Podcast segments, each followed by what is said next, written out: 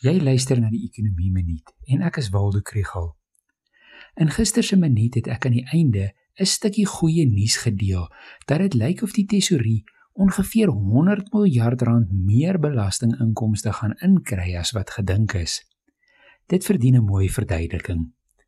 In Oktober maand se mediumtermynbegroting is daar verwag dat die owerheid se belastinginkomste 17% kleiner sou wees as wat in Februarie 2020 begroot is.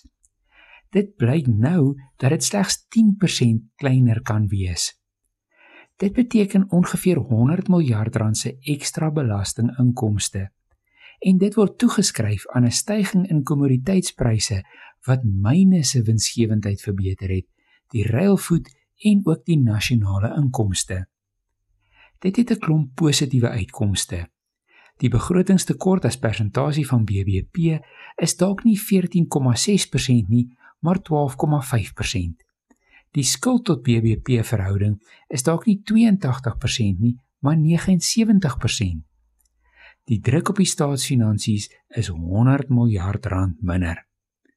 Die minister het beoog om volgende week in die begroting belastingkoerse te verhoog om so 5 miljard se ekstra inkomste te in. Dis nou nie meer nodig nie. Ons almal het gewonder of belasting of lenings verhoog moet word om vir die enstof te betaal.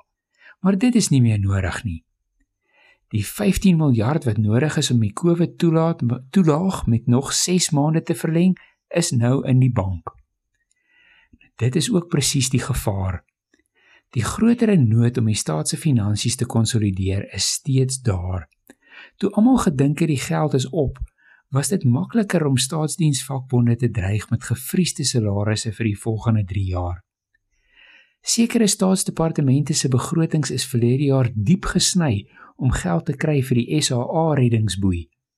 Nou gaan elke minister en belangegroep weer hoop om hulle stukkie van die koek te kry. Die beste ding wat die regering kan doen, is om hierdie gelukskoot te gebruik om minder te leen en om aan te hou met die streng fiskale konsolidasie. As jy meer van die ekonomie wil leer, volg die ekonomie blok.